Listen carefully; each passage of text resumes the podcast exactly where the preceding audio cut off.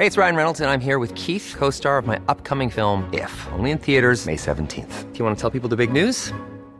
All right, I'll do it. Sign up now and you'll get unlimited for $15 a month in six months of Paramount Plus Essential Plan on us. Mintmobile.com slash switch. Upfront payment of $45 equivalent to $15 per month. Unlimited over 40 gigabytes per month. Face lower speeds. Videos at 480p. Active Mint customers by 531.24 get six months of Paramount Plus Essential Plan. Auto renews after six months. Offer ends May 31st, 2024. Separate Paramount Plus registration required. Terms and conditions apply if rated PG. I'm Sandra, and I'm just the professional your small business was looking for. But you didn't hire me because you didn't use LinkedIn jobs. LinkedIn has professionals you can't find anywhere else, including those who aren't actively looking for a new job but might be open to the perfect role, like me.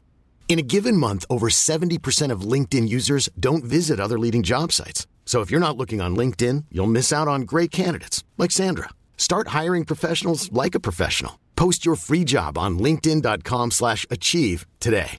When you make decisions for your company, you look for the no-brainers. And if you have a lot of mailing to do, stamps.com is the ultimate no-brainer. It streamlines your processes to make your business more efficient, which makes you less busy.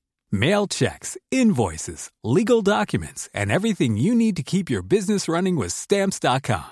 Seamlessly connect with every major marketplace and shopping cart. Schedule package pickups and see your cheapest and fastest shipping options from different carriers with rates up to 89% off USPS and UPS rates. And with the stamps.com mobile app, you can take care of mailing and shipping wherever you are. Make the same no-brainer decision as over 1 million other businesses with stamps.com. Sign up with code program for a 4-week trial plus free postage and a free digital scale. No long-term commitments or contracts. That's stamps.com. Code program. Du lytter til en podcast fra TV2. Skal jeg sige, hvor, hvorfor jeg er blevet tykhudet. Det er, fordi jeg kommer fra et stabilt hjem, hvor jeg har fået at vide, at der var nogen, der elskede mig nok til ligesom at sige, okay, men så kan alt andet egentlig også være ligegyldigt, og så er der ikke noget, som sådan skal kunne ramme mig. Men altså, jeg ville da, jeg ville da lyve, hvis ikke jeg tænkte, at der, jeg så, at min søn han var blevet en, en tand lyser, end jeg selv er. Så tænkte jeg, da, at det skal da i hvert fald nok gøre det lidt nemmere for ham.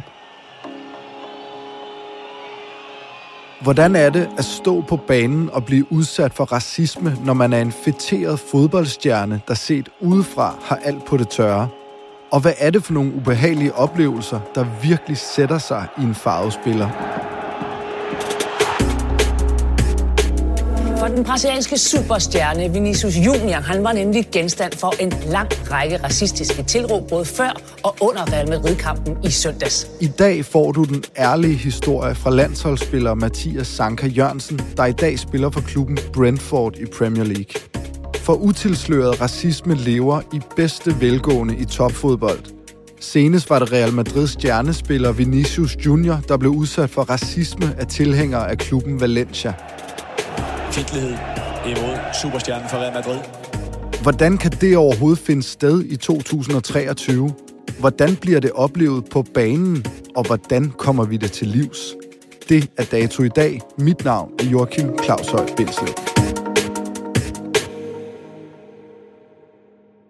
Hvad tænkte du, da du så det, Vinicius blev udsat for?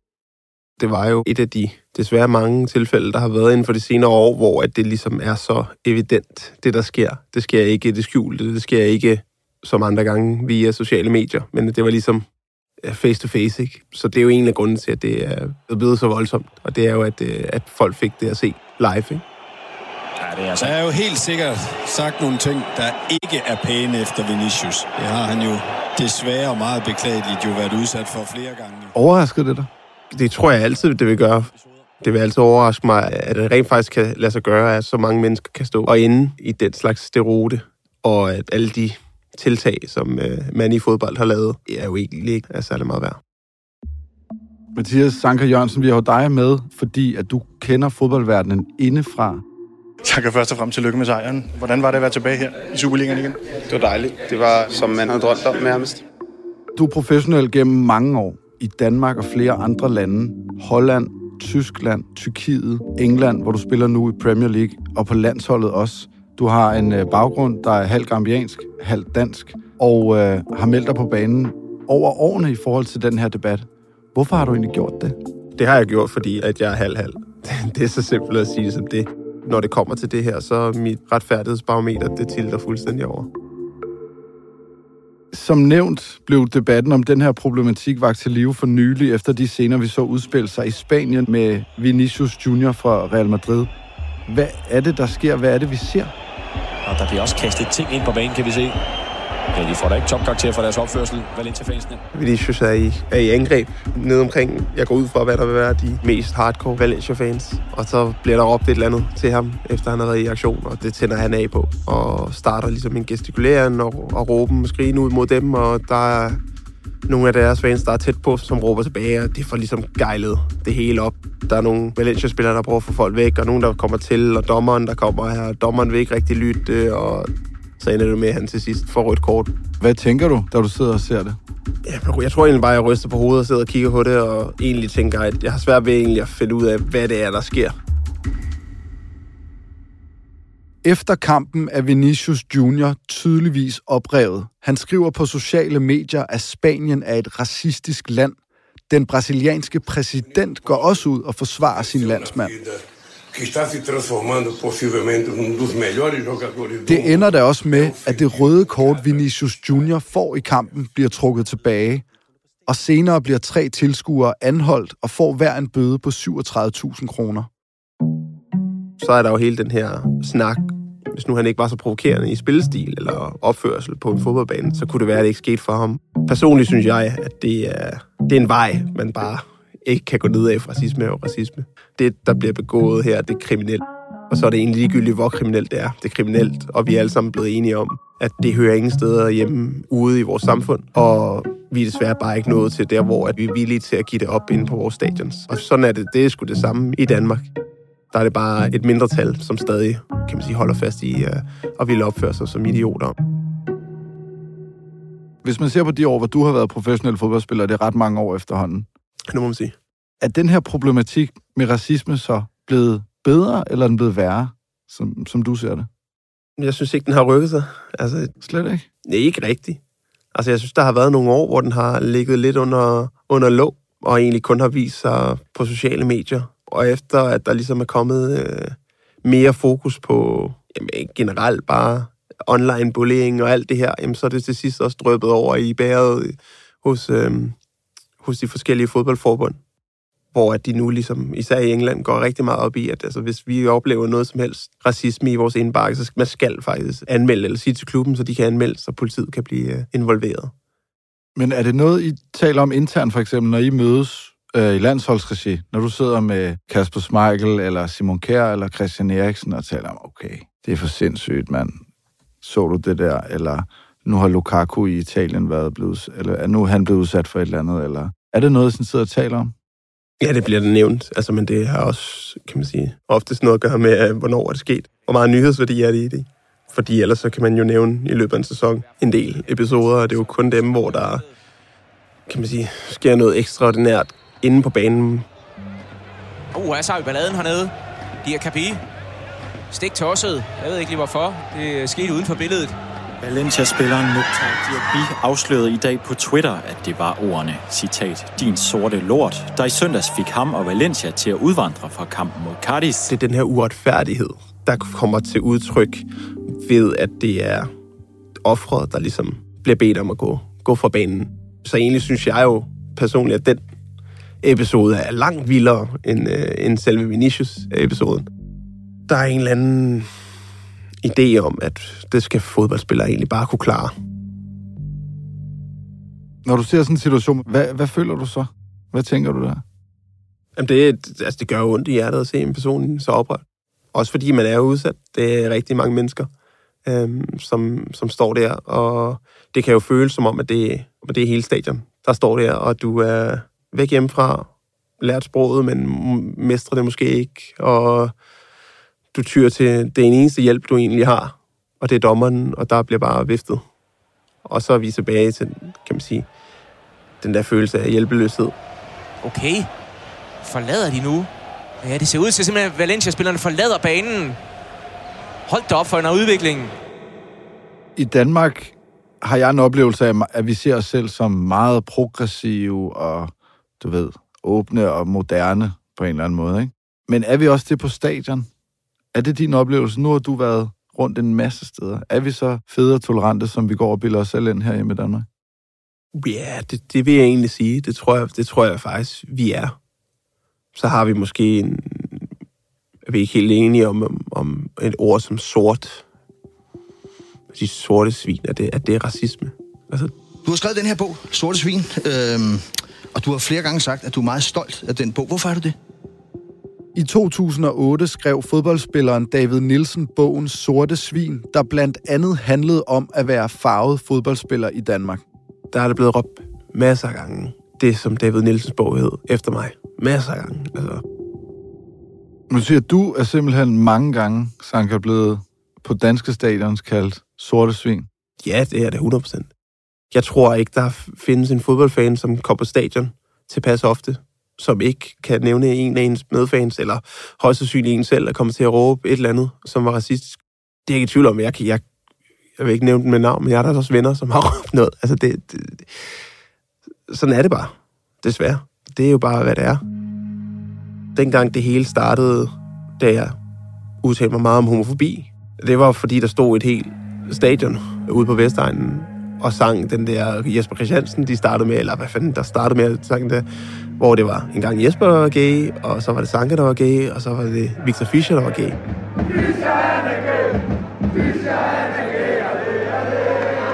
Det er jo bare uomtvisteligt åndssvagt, og jeg synes, det er pinligt at kigge på voksne mennesker, der står og synger sådan noget her. Du har jo ikke hørt dem kalde ud på stadion, at hey, hvis ikke det stopper, så... Øh, fordi det var jo bare... Er det for sjov? Men det er jo stadig ment beskæmmende. Det er jo stadig ment nedladende. Jeg vil gerne se dem, hvis, hvis den sang, den kørte en gang til. Stop kampen. Det gør det jo ikke. Så det er jo lidt der, altså det er jo lidt for at drage en, en, en parallel, så skal der virkelig noget voldsomt til. Og nu har vi set noget i Italien, og vi har set noget i Spanien, at øh, der sker voldsomme ting, og der bliver stadig ikke gjort noget. Der er stadig ikke en kamp, der bliver afbrudt. Hvornår kan du første gang selv huske, at du blev udsat for racistiske tilråb i forbindelse med, at du spillede fodbold? Ah, der var en eller anden, der var en dommer en eller anden gang til noget stævne. Jeg må have været sådan noget, det ved jeg ikke, en 10, 11, 12 år. Jeg snakkede rigtig meget, det gør jeg stadig. Jeg snakkede rigtig meget som, som ungdomsspiller. Brokkede mig, brokkede mig, brokkede mig, brokkede mig. Og så var der en dommer, der ligesom fik, nar- fik, fik nok, ikke? Og så fik han sagt noget, som han er, er, er fortrød i sekundet. Det ligesom kom ud over, øh, kan man sige, ud over læberne på ham. Hvad sagde han? Det var et eller andet gammelt udtryk, øh, udtryk for, øh, jeg tror, det var halenier eller et eller andet. Og, og der var man bare et barn, ikke? Altså, og Wow. det, det ramte bare, og var sådan, wow, hold op. Øhm, og jeg tror, jeg, jeg begyndte at tude, og du ved, træneren ind, og hvad fanden, og han kom over og siger undskyld, og det var ikke det, var ikke det han sagde, eller det var ikke det, han mente, og der var jo bare en gang, hvor at hvis man skulle bruge et udtryk mod en, der så lidt anderledes ud, så var det okay at sige den slags. Ikke? Og det var bare det første, der kom frem til ham, da han ligesom havde fået nok. Og for jeg havde jo været provokerende. Altså, det lyder som en helt... Altså, jeg fik, fik kuldegysen, når du snakker om. Det er en helt sindssyg oplevelse, mand. Jamen, det, den har også, altså, det er jo sådan noget, man husker. Den har jo sat sig. Jeg kan jo huske selve episoden. Ikke? Altså, øhm, så har min mor sikkert sagt, der er absolut ingenting i vejen med dig. Du er smuk, og du er dejlig, og du er sød og rar, og du er intelligent, har hun sikkert også prøvet at, at proppe ind i hovedet på mig. Ikke? så, øh, og, så- og så har det været, været nok. Altså, det skal jeg sige, hvor, hvorfor jeg er blevet tykhudet, det er, fordi jeg kommer fra et stabilt hjem, hvor jeg har fået at vide, at der var nogen, der, der elskede mig nok til ligesom at sige, okay, men så længe de gør det, så kan alt andet egentlig også være ligegyldigt, og så er der ikke noget, som, som, som sådan skal kunne ramme mig. Men altså, jeg ville da, jeg ville da lyve, hvis ikke jeg tænkte, at der, da min, jeg så, at min søn han var blevet en, en tand lyser, øh, end, end jeg selv er, så tænkte jeg da, at det skal der i hvert fald nok gøre det lidt nemmere for ham.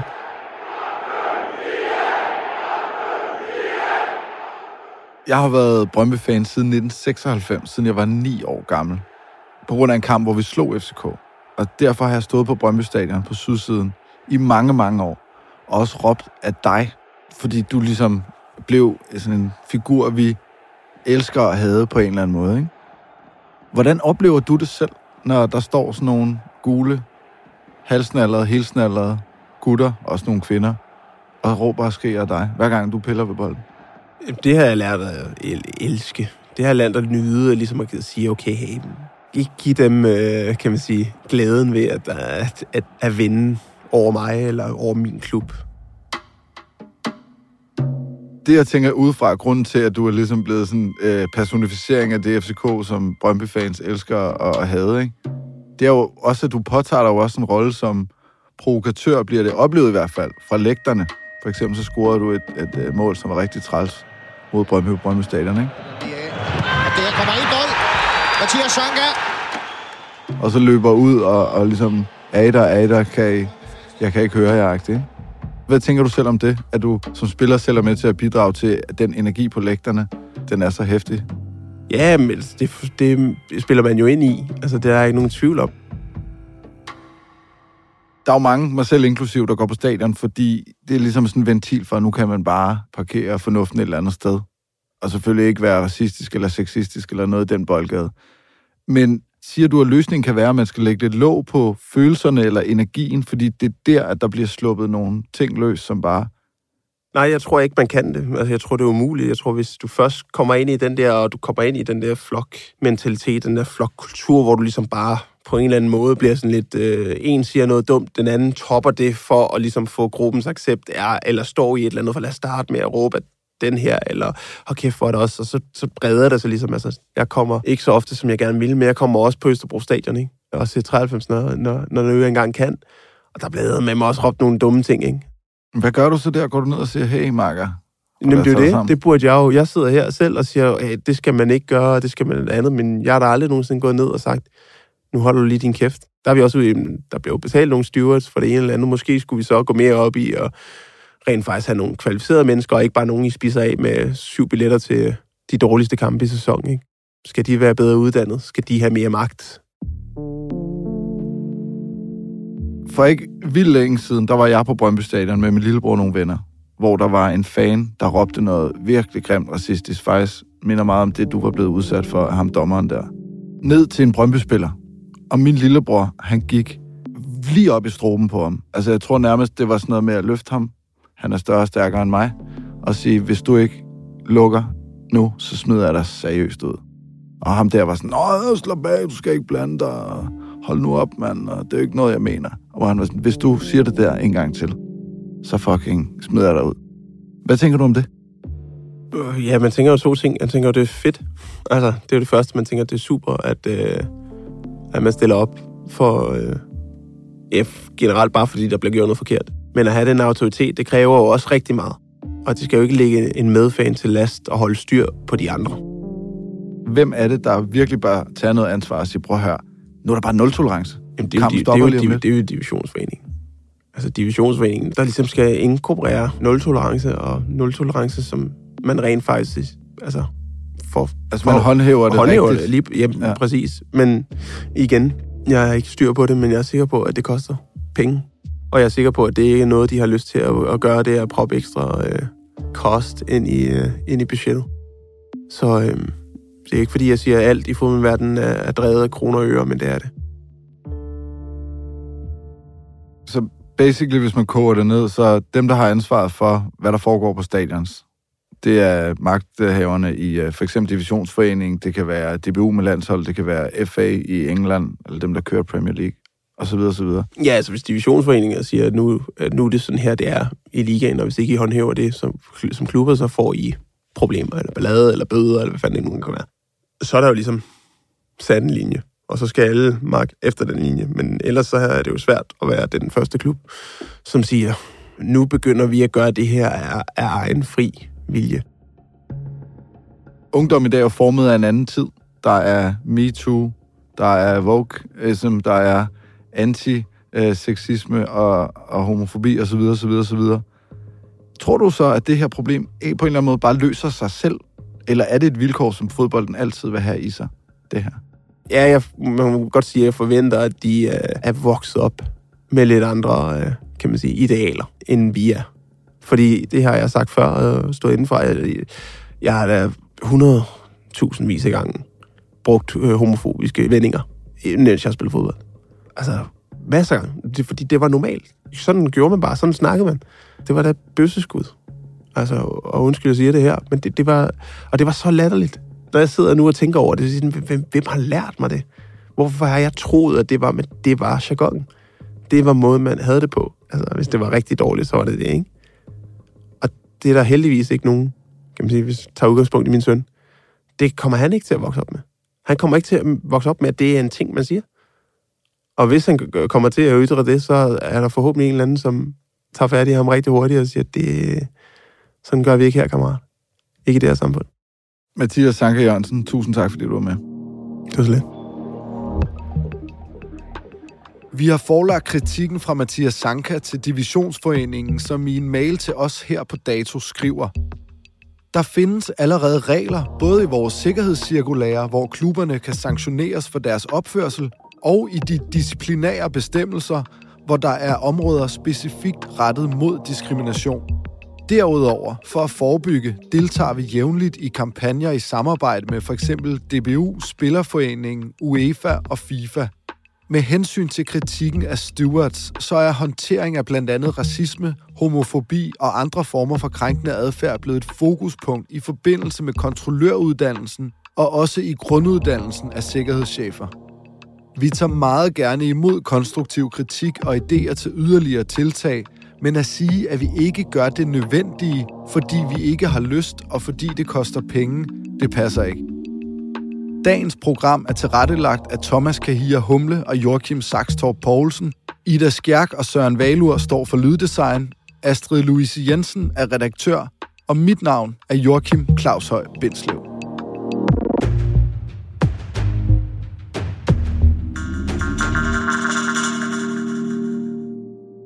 Du har lyttet til en podcast fra TV2.